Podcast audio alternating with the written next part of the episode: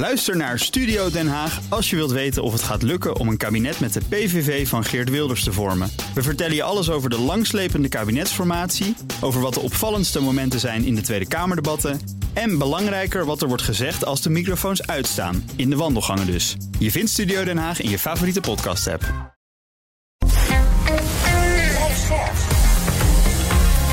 BNR Nieuwsradio. BNR breekt. Ivan Verrips. Goedemorgen en welkom. Vanaf half twaalf praat ik over het nieuws van de dag. Over het stikstofoverleg met Johan Remkes. Dit keer wel met Farmers Defence Force en Agractie. Wat verwachten mijn panelleden daarvan? En we hebben het over een gevaarlijk algoritme van LinkedIn. Want dat bepaalt wie er reageren op jouw vacature. Moeten wij ons daar zorgen om maken? Dat ga ik allemaal bespreken met mijn panelleden. Vandaag Rabi Safi, bekend als de belegger, te vinden op YouTube en Instagram. Goedemorgen, Rabi. Goedemorgen, Ivan. En een debutant in het panel, Sophie Koppian, interim-voorzitter van het CDJA. Goedemorgen. Goedemorgen. Fijn dat je er bent. Je studeert politicologie aan de UvA in Amsterdam. En nu dus interim-voorzitter bij het CDA. Ben je dan een beetje een tussenpauze? Of heb je allerlei toch wel wilde plannen, dingen die je wil gaan doen? Nou, ik heb wel doelen voor mezelf gesteld. Ja, natuurlijk. Want het was een onverwachte uh, kans, gelegenheid. Ja, want Tom Dus stopte ermee, hè? Ja, Tom Scheepstra, ja. ja. Ja, ja, ja, dat klopt. Heel jammer. En dat vonden we ook allemaal heel jammer. En het kwam voor ons ook onverwacht. Mhm. Maar ehm, ja, dit hebben we gelijk met z'n allen wel opgepakt. En ook een plan gemaakt voor de komende periode. Dus Oké. we gaan er wel wat moois van maken. Oké, ben ik heel benieuwd naar. Ik zag in een interview met je dat je ook bij andere politieke jongerenorganisaties hebt gekeken. Ja. Waarom is het toch het CDA geworden? Ja, het CDA, omdat ik het gewoon heel erg eh, eens ben met de grondbeginselen. Ik kan me heel erg vinden in eh, nou ja, het politieke programma.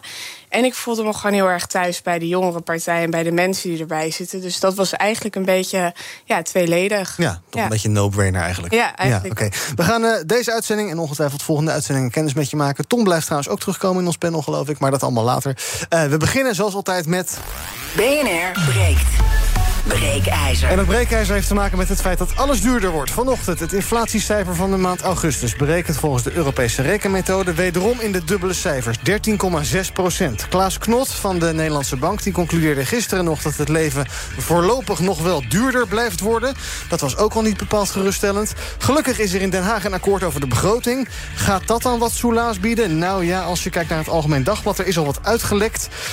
Lijkt het er niet echt op.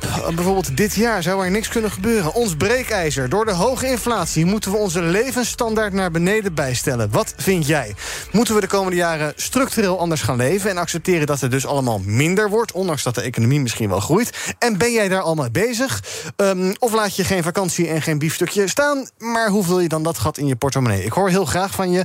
Pak je telefoon en bel naar 020 468 4 keer 0 020 468 4 keer 0 Je kunt ook van je laten horen via Instagram. Zoek daar eventjes naar BNR Nieuwsradio. Dan eh, kan je stemmen in de stories. Maar het leukste is even bellen, want immers we zijn toch live op de radio. 020 468 4 keer 0 Zometeen hoor je hoe mijn panelleden erover denken.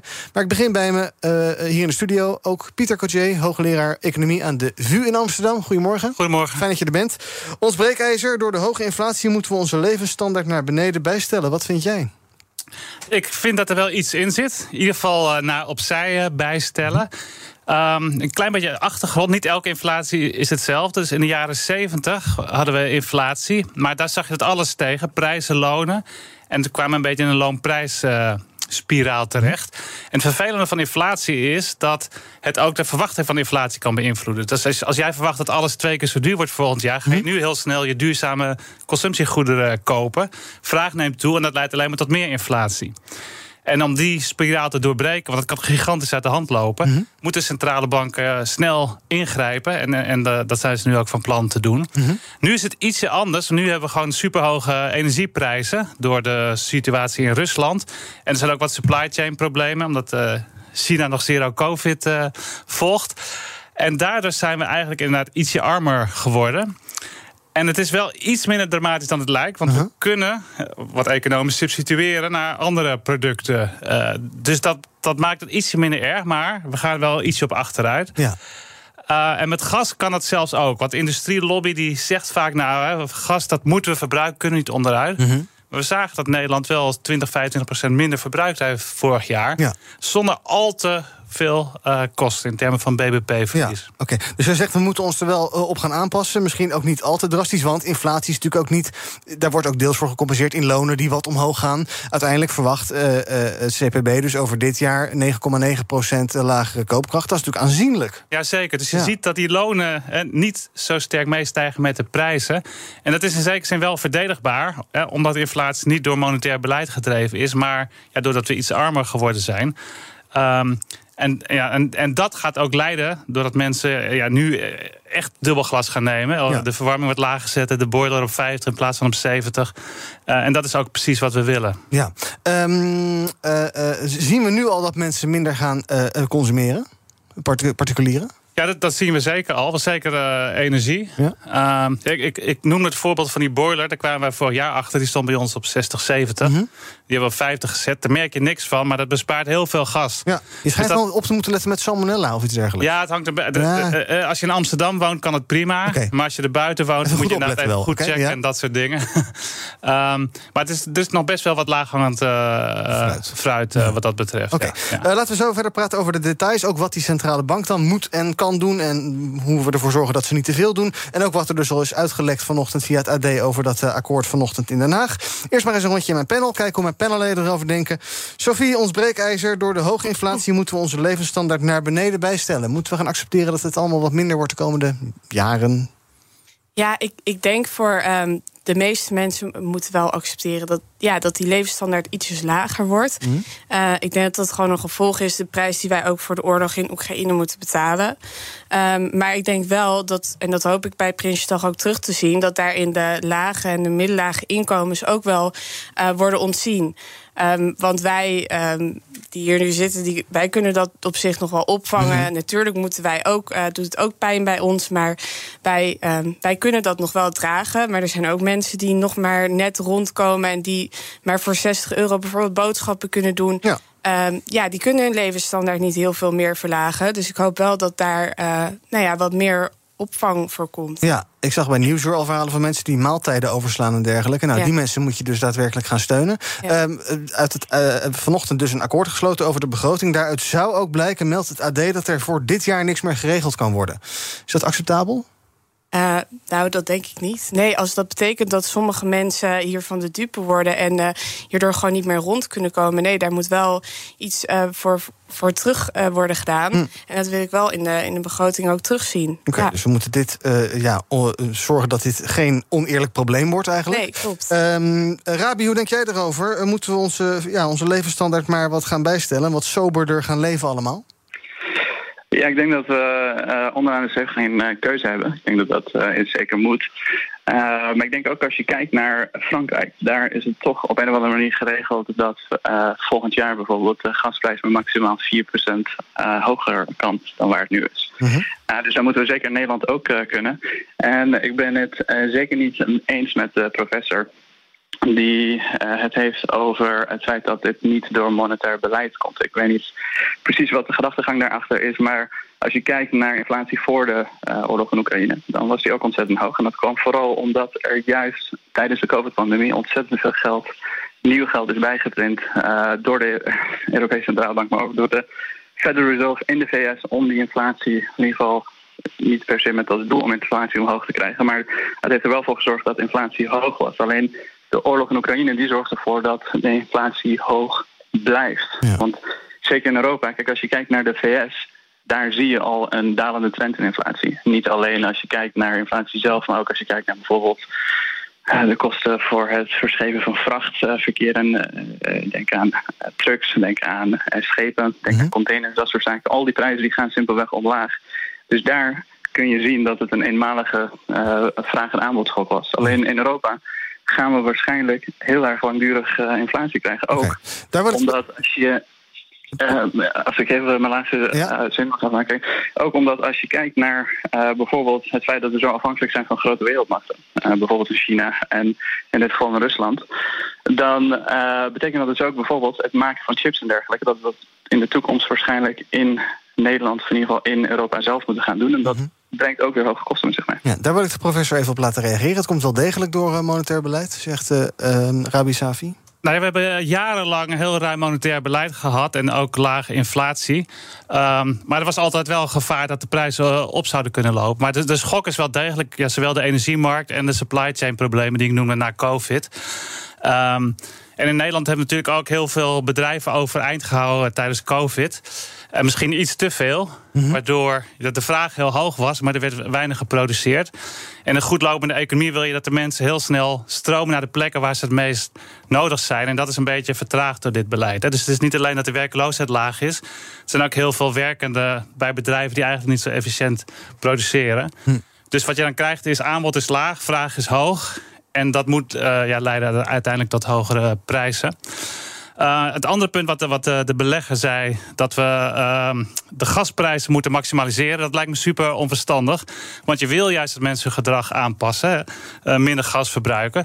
Dus je kan veel beter inkomenssteun geven. Dus dat hebben we al een beetje voor de minima gedaan.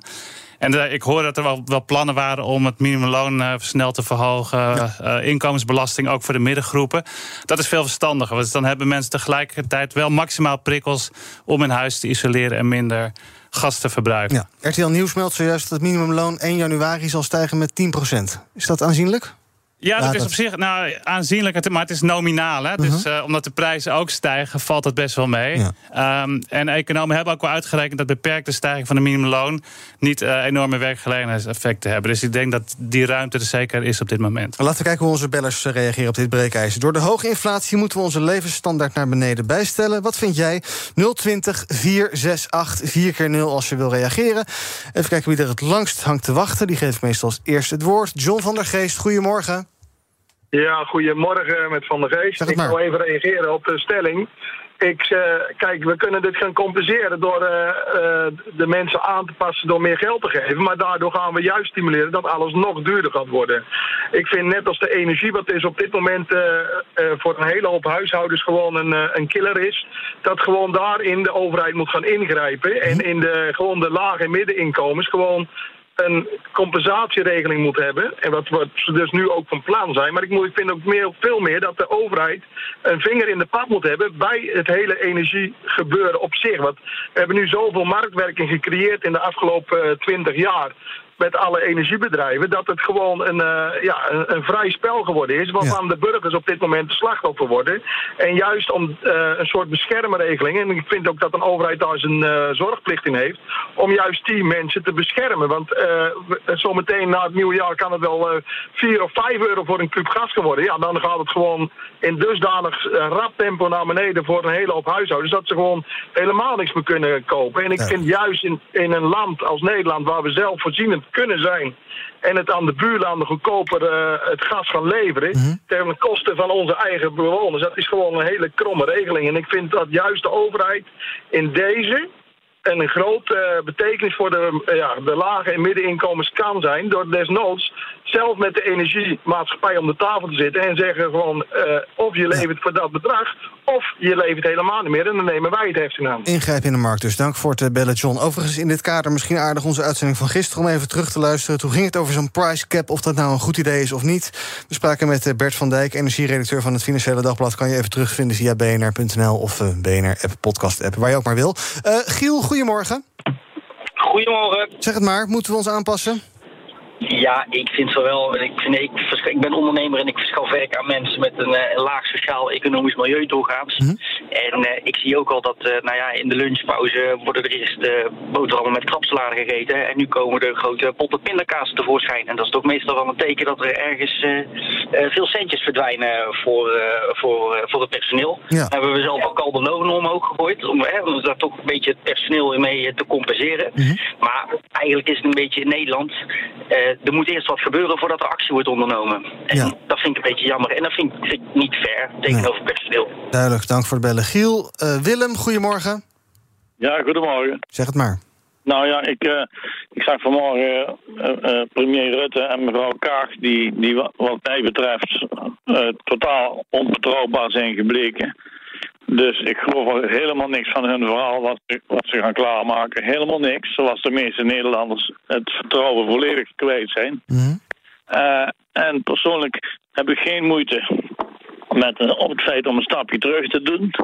Maar van de andere kant is het, is het allemaal zo krom als maar zijn kan. Ik werk ik zelf in de grensstreek. Ja. Als ik nu nog zie de prijsverschillen met Nederland en Duitsland...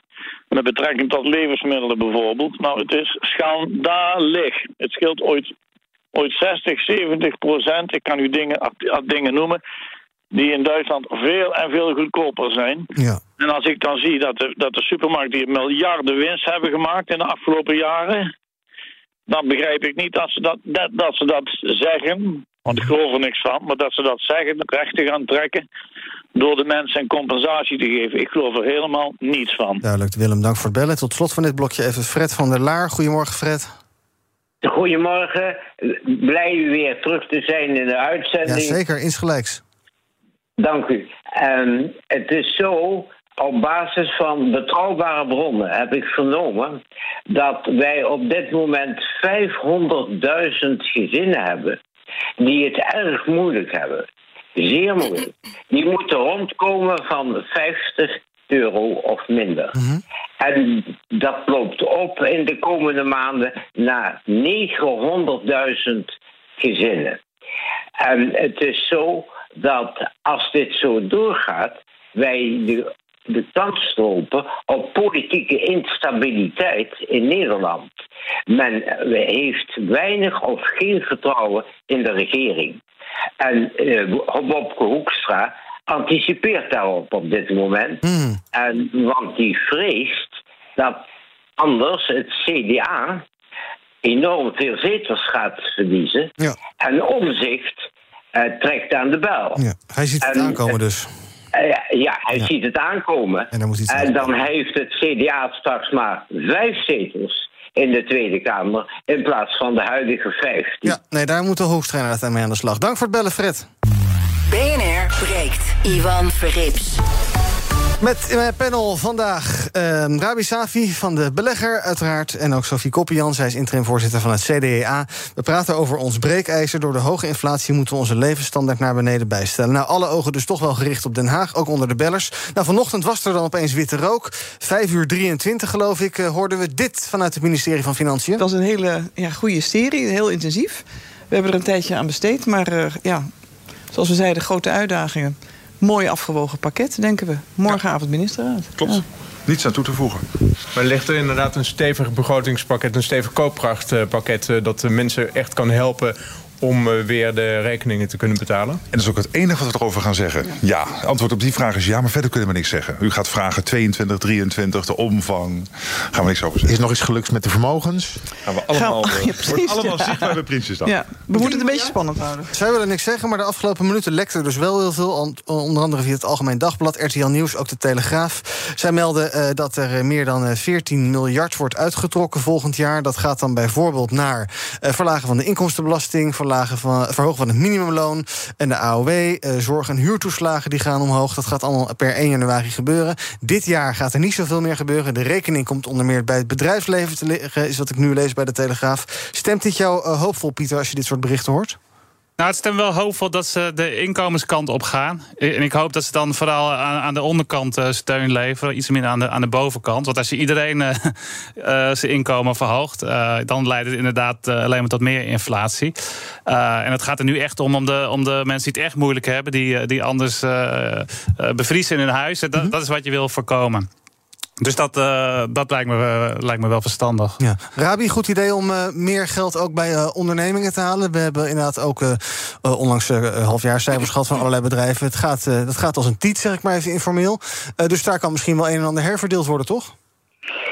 Nee, nee ik, ik, denk dat de goede bedoeling van de overheid in dit geval uh, meer geld in de portemonnee van uh, de burgers uh, te stoppen, dat dat vaak voor extra inflatie zorgt. Hè. Hoe, hoe meer geld mensen in hun uh, zakken hebben, hoe meer de vraag naar producten stijgt en hoe hoger de prijzen zullen gaan worden. Mm -hmm. Dus?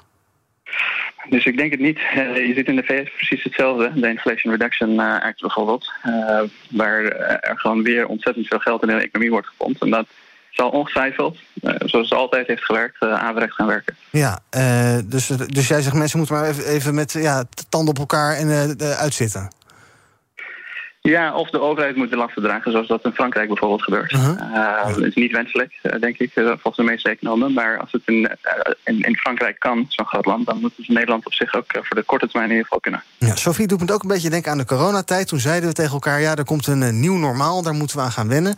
Mm ik weet eigenlijk niet of er nu een soort nieuw normaal is. Voor mijn gevoel doen we alles weer zoals het vroeger was. Gelukkig maar. Uh, misschien een beetje thuiswerken erbij en dergelijke. zie jij ook een soort economisch nieuw normaal aankomen? Of uh, lachen we hier over twee jaar om en dan was dit een periode... en gaan we gewoon weer door op de voet waar uh, op we door, doorgingen... met fossiele energie enzovoorts enzovoorts? -hmm. Ja, ik hoop natuurlijk niet dat we een nieuw normaal ingaan. Maar uh, zoals het er nu uitziet, voor de komende periode wel. Als je realistisch kijkt, dan denk ik het wel. Ik denk wel dat um, met een uh, goede begroting straks met Prinsjesdag... waarbij het een beetje eerlijk wordt verdeeld... dat, dat de klappen uh, mee kunnen vallen. Dus als ze dat goed inrichten, dan denk ik dat, nou ja, dat ze er met z'n allen voor kunnen zorgen... dat um, de sterkste schouders ook de zwaarste lasten dragen. En ik denk ook dat daarbij het bedrijfsleven zelf wat verantwoordelijkheid moet nemen. -hmm. Want er zijn natuurlijk ook gewoon bedrijven die hier uh, nou ja, van de inflatie profiteren. En ja. ik vind ook dat dat hoort ook bij maatschappelijk verantwoord ondernemen, dat zij ook uh, wat van die lasten op zich nemen. Dus als iedereen zijn verantwoordelijkheid neemt, dan hoop ik dat we niet een nieuw normaal ingaan. Maar ik denk wel dat iedereen zich een beetje moet aanpassen. Ja, nog even over die centrale banken praten. Uh, Klaas Knot die bereidt ons al voor uh, via allerlei uh, wegen op 75% basispuntenverhoging van de rente. Is dat verstandig om te doen, Pieter?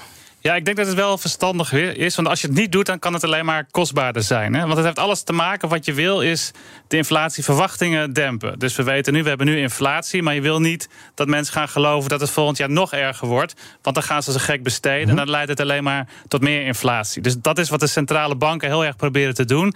Uh, ja, mensen, de prijzen zijn hoog. We hebben nu inflatie, maar het is iets tijdig, tijdelijks. Dus je hoeft niet uh, super hoge looneisen te stellen. En je hoeft niet als een gek al je duurzame consumptiegoederen nu te kopen. En dat is wat ze in Amerika ook uh, aan het doen zijn. En dat lijkt wel te, te helpen.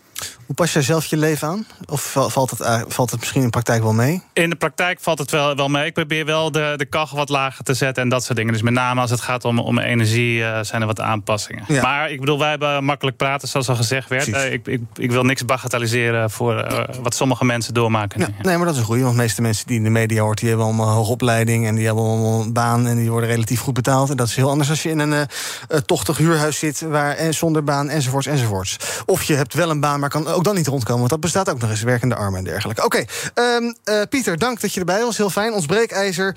Uh, door de hoge inflatie moeten we onze levensstandaard naar beneden bijstellen. Op Instagram is 77% het daarmee eens met die stelling. Je kan daar nog de hele dag reageren. Op de radio houden we over dit onderwerp op. Maar op Instagram kan je nog uh, de hele dag reageren. En ook later vandaag op BNR uiteraard veel meer over ja, wat er lekt uit die begrotingsplannen. Want ze zijn nog geen zes uur oud, maar nu al gelekt bij onder andere AD, Telegraaf. Ik zag ANP en het een en ander melden. Dus nou, daar gaan we uiteraard later meer aandacht aan besteden. Zometeen in het tweede deel van BNR Breekt praat ik met mijn panelleden over het stikstofoverleg met Johan Remkes. Dit keer wel niet, wel niet en toch weer wel met Farmers Defence Force en Agractie. Zijn de verwachtingen van mijn panelleden hoog gespannen. En we hebben het over de arbeidsmarkt, want LinkedIn heeft een flinke vinger in de pap van wie er reageert op je vacature.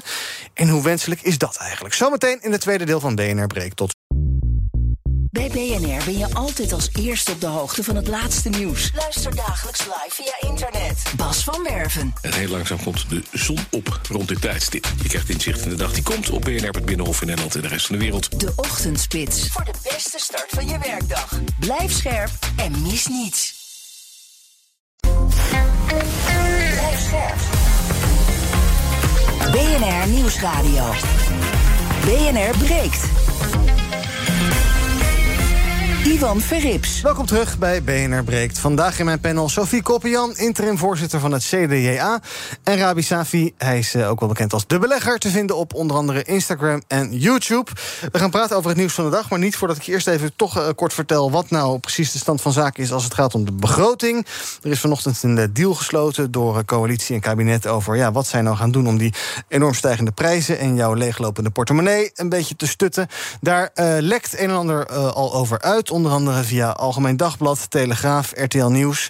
Korte samenvatting daarvan is uh, dat er eigenlijk dit jaar niks meer gaat gebeuren. Uh, zeggen zij, uh, zeggen, die, zeggen die bronnen. wel gaat er volgend jaar een en ander gebeuren. Er wordt 14 à 15 miljard geïnvesteerd... in de zin van het stijgen van de minimumloon per 1 januari met 10% Zorgt er ook voor dat AOW-uitkeringen stijgen. Ehm, volgend jaar geldt nog de verlaging van de brandstofaccijnzen... de energietoeslag voor lagere inkomens... de zorgtoeslag gaat omhoog, de huurtoeslag gaat omhoog. Ehm, er gaat wel een streep op de btw-verlaging van energie... want dat was oneerlijk, maar de uh, energiebelasting gaat dan weer fors omlaag.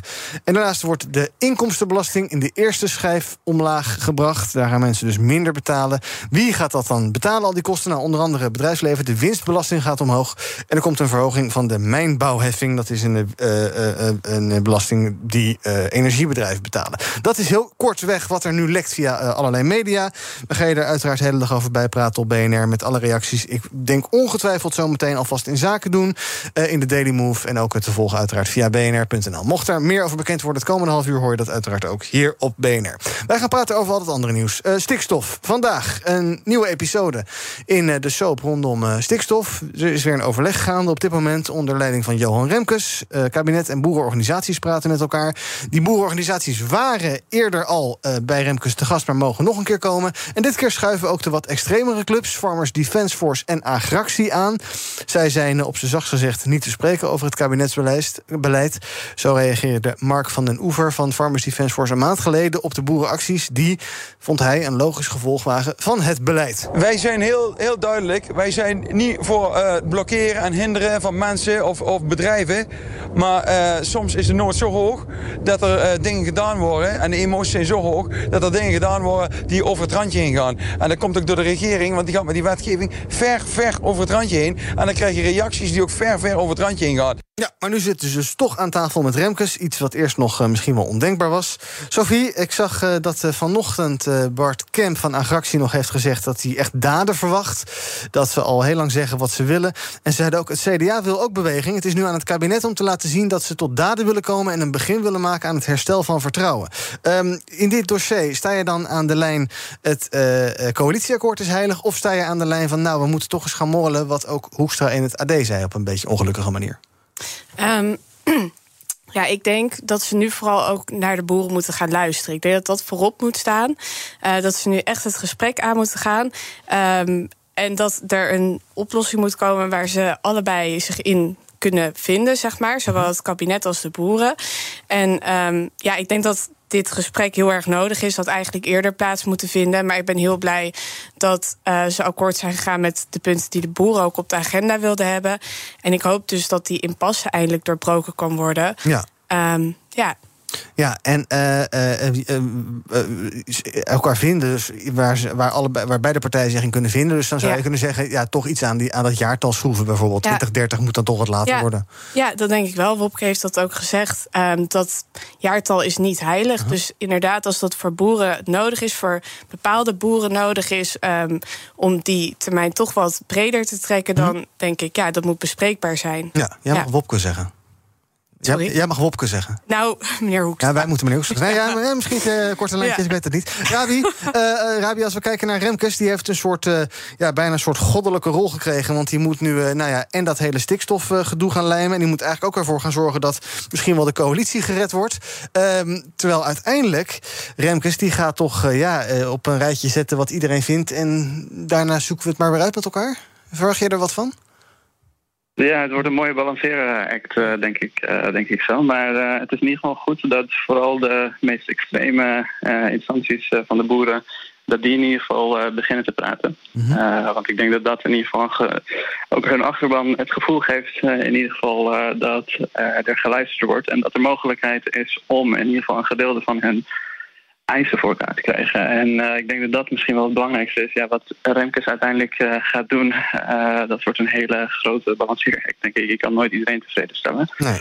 Maar als het lukt om in ieder geval een zo groot mogelijk gedeelte van de mensen te, tevreden te stellen, dan eh, heeft hij het goed gedaan. Ja, dat wordt een mooi stukje kunst en vliegwerk van Remkes. Daar ben ik heel benieuwd naar. Ehm, eh, ook wel logisch wat jou betreft dat, eh, ja, dat hij zijn agenda aanpast aan wat die partijen daarop willen hebben. Dat hè, als die partijen zeggen wij willen praten over pasmelders, over de kritische depositiewaarde, over dat stikstofkaartje, dat het ook daadwerkelijk op de agenda komt. Dus ja, je zou toch denken, je, met, met elkaar maak je zo'n agenda toch? Ja, kijk, het, toont natuurlijk wel zwakte hè, eh, aan de ene kant, zou je kunnen zeggen. Want eh, dat betekent dus dat er misschien toch niet 100% achter die agenda werd eh, gestaan vanaf het begin. Tegelijkertijd zou je ook kunnen zeggen, het uh, is misschien juist een onderhandelingstactiek geweest, omdat ze misschien hadden verwacht dat het, uh, uh, dat het op die manier zou gaan. Mhm. En dat ze op die manier toch wel flink veel meer voor elkaar krijgen dan als ze vanaf het begin al redelijk wat hadden toegegeven. Dus mhm. het, ja, je weet niet wat er natuurlijk achter de schermen speelt. Nee, oké. Okay. Sophie, hoe groot is de kans dat dit een, een grote teleurstelling wordt? Want ja, ik zei het al, de druk op Remkes is hoog. Mm ja, uiteindelijk komt er natuurlijk een, paar A4'tjes met een nietje er doorheen. Dat moet bijna wel teleurstellend zijn. De verwachtingen zijn zo hoog gespannen. Nou ja, ik hoop niet dat het teleurstellend is. Want hij heeft uh, de afgelopen tijd heel veel werk en tijd gestoken in met allerlei boeren praten. En uh, ik hoop ook dat, dat hij daar, daar uitkomt met een stevig rapport. En ook um, een duidelijk rapport waar ook boeren zich in kunnen vinden. Dus nee, ik hoop dat al zijn werk niet voor niets is geweest. We gaan het zien. Ergens uh, volgende maand gaat dat waarschijnlijk komen. Het rapport van Johan Remkes. Ander nieuws van vandaag. Het College voor de Rechten van de Mens maakt zorgen over algoritmen bij LinkedIn. Software van LinkedIn zou namelijk discriminatie in de hand werken. En dat is enorm schadelijk, aangezien bijna alle Nederlandse werkgevers, 96%, eh, gebruik maakt van LinkedIn voor vacatures, meldt SEO Economisch Onderzoek. En waarom dat precies gevaarlijk is, vertelt Jacobien Geel, voorzitter van het College voor de Rechten van de Mens. Systemen die eigenlijk selectie toepassen. En dat betekent dat, uh, dat hebben we natuurlijk laten onderzoeken, dat als werkgevers bijvoorbeeld via LinkedIn hun advertentie plaatsen, uh, dat ze onbewust meeliften op de algoritmes van LinkedIn. Uh, dat de mensen die op dat platform zijn natuurlijk dat vacature zien, maar anderen helemaal niet. Ja, dat is misschien wel eens een probleem. Um, Sophie, als je dit zo hoort, LinkedIn bepaalt uh, wie er reageert op een vacature en wie niet. Uh, maakt mm -hmm. het jou zorgen? Nou, aan de ene kant denk ik, het is ook innovatie dat je algoritmes toepast. Dat hoort ook bij, uh, denk ik, uh, hoe de toekomst eruit gaat zien. Het zorgt ervoor dat je snel informatie kan filteren. Maar het heeft inderdaad ook, uh, het kan ook negatieve en hele gevaarlijke kanten hebben. Als je bijvoorbeeld gaat um, filteren op leeftijd, op geslacht, op um, afkomst. Mm -hmm. dat moeten we niet willen. Dus ja, we moeten met we moeten op een ethische manier dan kunnen um, uh, filteren met die algoritmes. En daar moet heel goed op gelet worden. Ja. Uh, ja. Nou weten we uit het verleden dat algoritmen uh, niet neutraal zijn. Want algoritmen mm. worden gemaakt door mensen en die stoppen er data in. En uh, nou, we herkennen al verhalen inderdaad discriminatie door algoritmes en dergelijke. Zou je dit soort algoritmes en hun werking openbaar moeten maken, zodat je gewoon transparant, transparant bent hoe iets wordt uitgeselecteerd, waar zo'n algoritme op sorteert enzovoort? Ja, absoluut. Ik denk dat dat heel belangrijk is, vooral voor de sollicitanten, dat ze weten waar ze aan beginnen en waar ze op gefilterd worden. En ook op basis waarvan ze misschien afgewezen worden. Ja. Dus ik denk zeker dat het belangrijk is dat het transparant wordt. Ja. Ja, ben je het daarmee eens, eh, Rabi? Uh, zou misschien uh, uh, anoniem solliciteren of iets dergelijks een, een oplossing kunnen zijn? Nee, nee, want die verantwoordelijkheid ligt onderaan de streep, denk ik, bij de, de, de, degene die die vacature uitzet uh, en uh, de reacties die diegene ontvangt. Mm -hmm. Dus dat, dat zou denk ik niet uh, helpen. Kijk, ik heb zelf bij LinkedIn gewerkt en ik weet hoe die algoritmes op zijn minst enigszins in elkaar zitten. Vertel, vertel, vertel, vertel, vertel.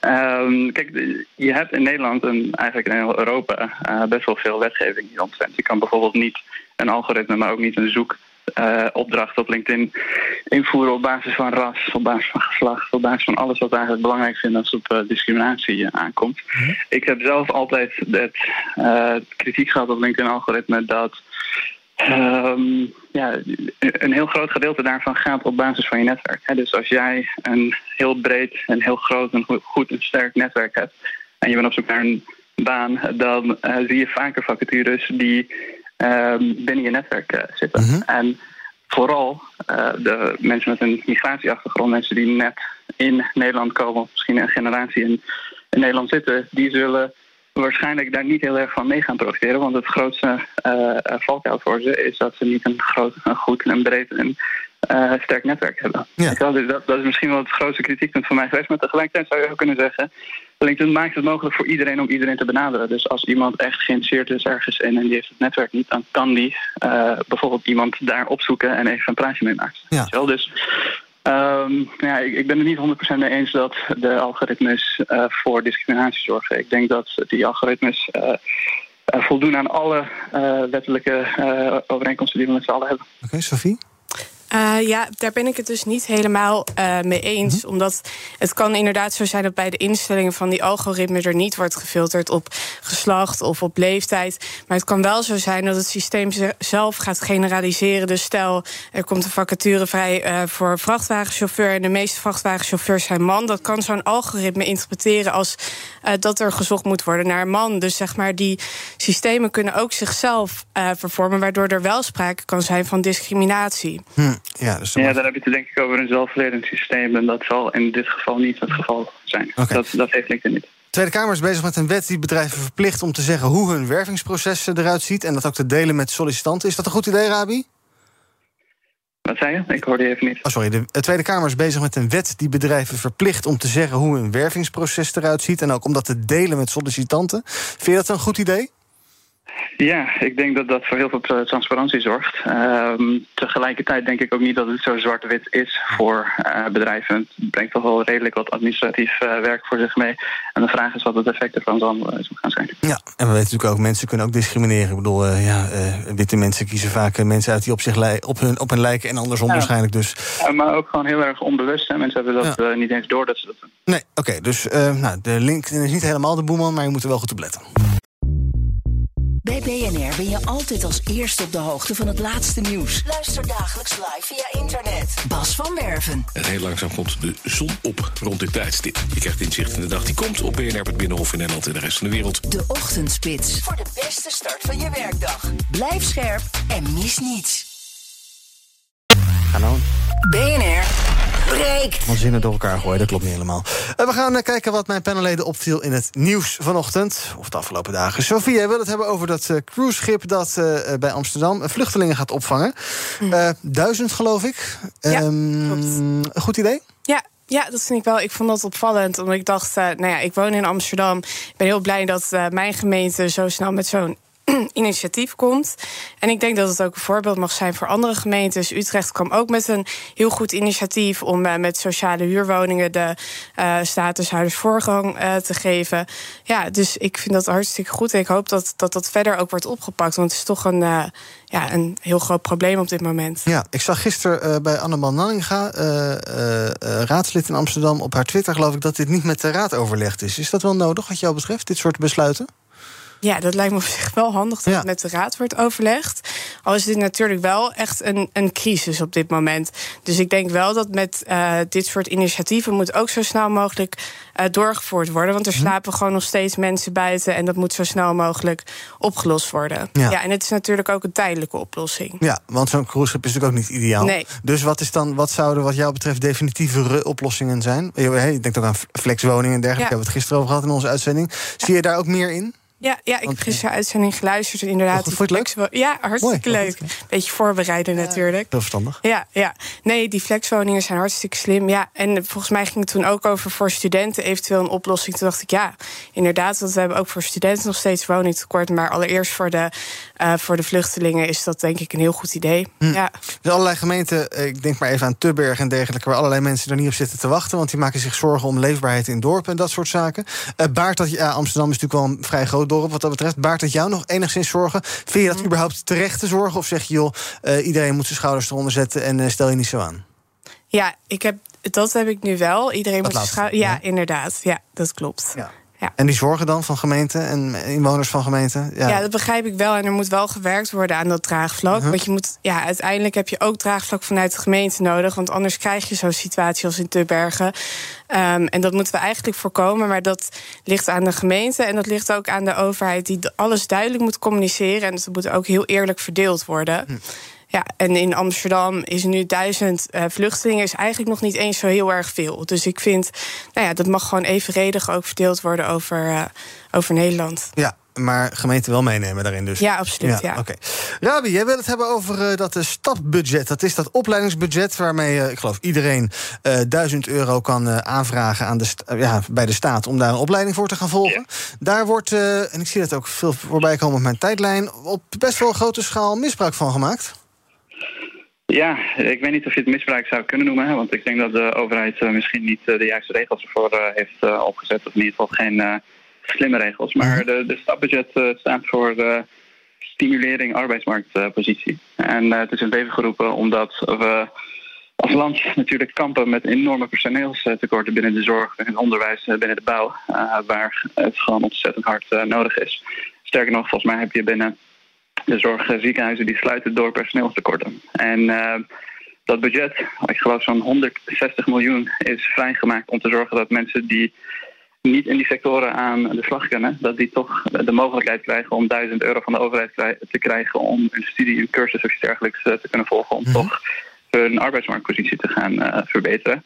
En dat lijkt um, gekaapt te zijn door heel veel verschillende ondernemers, die eigenlijk overal op advertenties ziet. Die geven daar ontzettend veel grote advertentiebudget uit. Je kan niet op Instagram of op LinkedIn of iets dergelijks gaan.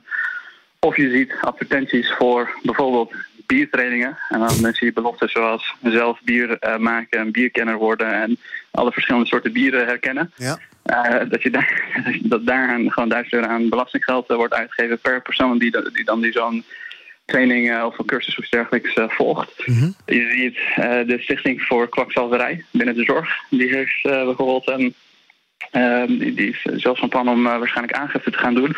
En die zegt dat uh, dit soort cursussen bijvoorbeeld voor healing wordt gebruikt. Op basis van uh, het aanraken van mensen. Ja. Of Ayurveda of allerlei ja, alternatieve geneesmiddelen die als cursussen worden verkocht. En daarmee stimuleert de overheid dus ook een stukje kwakzalverij, zeggen zij. Ja. Aan de andere kant heb je ook nog eens mensen die, of cursussen voor crypto trading. dus wordt financieel onafhankelijk door het feit je uh, zolderkamer crypto's te gaan uh, treden. En dat lijkt mij ook niet een hele slimme manier om de arbeidsmarktpositie uh, van mensen te stimuleren. Nee, inderdaad. En dropshipping, cursussen en hypnose enzovoorts. Eh, wat, wat, zou je, wat, wat, wat zou er aan moeten gebeuren wat jou betreft? Wat kan je doen om dit misbruik... Ja, nou ja, jij zegt het is geen misbruik, want de overheid faciliteert het... maar het is misschien de facto misbruik. Wat zou je eraan kunnen doen om dit tegen te gaan? Iets met doelmatigheid of zo? voorwaarden eraan stellen? Nou ja, ik, ik denk dat ondernemers ook een stukje maatschappelijk belang ervan moeten inzien. En geen onzinnige cursus waar dit niet voor bedoeld is om dat te gaan verkopen. Weet je wel? Dus uh, u zou enigszins kunnen zeggen, ze maken misbruik van hun positie, of in ieder geval van, van, van verantwoordelijkheid, mm -hmm. ik zou zeggen. Ehm, maar aan de andere kant, ja, als overheid moet je ook misschien wel slimmer met dit soort dingen omgaan. Ik, ik kan me ook voorstellen, misschien is het ja, niet rechtmatig om bijvoorbeeld een specifiek sector of iets dergelijks dat budget te geven. Ik weet het niet precies. Maar uh, als het voor die sectoren bedoeld is, zorg dan ook dat het enkel door die sectoren wordt uh, gebruikt. Ja. En dat er misschien een serieus keurmerk voor komt. Want uh, de keurmerk die tot nu toe uh, wordt gehanteerd. Dat is van de NRTO. En uh, dat kan je in principe binnen een uh, aantal minuten uh, zonder enig probleem krijgen. Ja, dus daar moet nog eens goed naar gekeken worden wat jou betreft. Ik zag ook allerlei cursussen die kosten dan opeens 1001 euro. Dat je denkt van ja, dat is ook geen toeval. Ja, ja okay. ook, ook, ook, cursussen die bijvoorbeeld een tijd geleden 300, 400 euro waren. En die ja. opeens 1000 euro zijn omdat je er 1000 euro budget voor kan. Ja, nee, het is big business met dat ons belastinggeld. Precies, ja, exact. Oké, okay, we gaan kijken wat er trending is op de socials. Ja, natuurlijk veel hashtag Gorbachev. Мир стоит на грани холодной, новой холодной войны. De laatste leider van de Sovjet-Unie wordt gezien als eh, verbroederaar tussen Oost en West... is vannacht op 91-jarige leeftijd overleden gisteravond. Opvallend, speech van hem in 2014 waarin hij waarschuwt voor een nieuwe Koude Oorlog. Die wordt nu veel gedeeld online. Ook hashtag transfer deadline is trending. Heeft natuurlijk alles te maken met het eh, sluiten van de transfermarkt... voor voetbalclubs om nog eh, nieuwe spelers aan te kunnen trekken of te verkopen. Op de laatste dag vliegen de miljoenen hier vaak om de oren. Dus vind je dat interessant, kan je dat vandaag volgen. volgen. En ook hashtag treinstakingen zien we nog overal boven aan de trendinglijstjes. In het zuiden en oosten van het land wordt gestaakt door NS-personeel op het spoor... uit onvrede over de huidige werkomstandigheden. En eigenlijk is het treinverkeer in het hele land ontregeld. En verder zien we ja, de laatste uur ook eh, hashtag inflatie, hashtag koopkracht... en ook hashtag op één.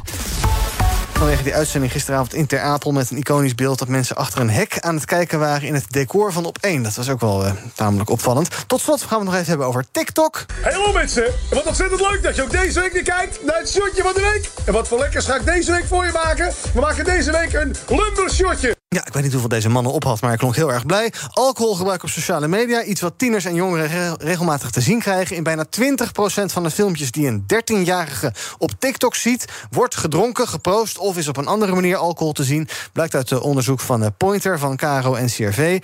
En um, de vraag is dan een beetje: uh, ja, moet dat verboden worden, Sophie? Um, Alcohol is natuurlijk niet heel erg gezond. Toch gebruiken heel veel mensen het. Misschien wel de schadelijkste druk die we hebben met z'n allen. Ja, ehm, in films en series zien we ook mensen die drinken. Is dit heel erg? Ja, ik vond het wel een hoog percentage. Ik dacht 20% uh, van de 13 jaar, 13 jaar gezien 20% uh, alcohol in een tijdlijn. Uh, ik vond het wel heel erg veel. Het moeilijke is wel, is volgens mij nog niet heel veel regulering. Mm -hmm. Maar je hebt wel die digital uh, Service Act vanuit Brussel, waarin ze gaan kijken naar hoe ze ook meer social media platforms kunnen reguleren, net als dat ze dat bij televisie doen. Ik denk dat dat heel goed is, dat ze daar wel naar gaan kijken. Uh, ja, want ik schrok van het percentage. Maar aan de andere kant denk ik dat uh, jongeren altijd ook worden blootgesteld aan alcohol. Ook als ze op tv kijken naar 12-plus programma's. Dus, ja, en in de supermarkt en ja, overal. Precies, ja, precies. Rabi, is dit iets wat jou zorgen baart? We hadden het net over algoritme. Nou, we weten dat TikTok vrij goed is met algoritme om jou vast te houden, zodat je de hele dag aan het scherm eh, geplakt zit. Nou, blijkbaar zien we heel graag eh, alcohol in beeld. Ja, ja, alcohol is sowieso een beetje in, in, in de maatschappij zo hard er doorheen geglipt dat uh, we het eigenlijk overal zien. Hè. Ik denk niet dat het uh, alleen TikTok specifieke uh, issue is. Alleen mhm. TikTok heeft een groot, groter gedeelte uh, jongeren die erop zitten. En dat, is, uh, is toch wel zorgelijk dat, als, dat die op die leeftijd, op 13-jarige leeftijd, uh, zoveel alcohol zien. Want dan ja. komen we er nooit meer vanaf. Want zien drinken doet drinken, weet iedereen wel uit ervaring, denk ik. Oké, dank voor jullie aanwezigheid vandaag. Rabi Safi van de Belegger, dank Sophie Koppian, interim voorzitter van het CDA. Vond je het leuk? Ja, volgende, volgende keer weer? Absoluut. Heel goed, dankjewel.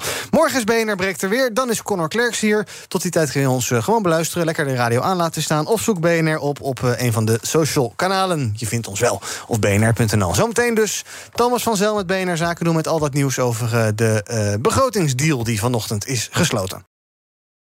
Ook Thomas van Zeil vind je in de BNR-app. Je kunt live naar mij luisteren in Zaken doen. De BNR-app met breaking news, het laatste zakelijke nieuws... en je vindt er alle BNR-podcasts, bijvoorbeeld Het Nieuwe Geld. Download nu de gratis BNR-app en blijf scherp.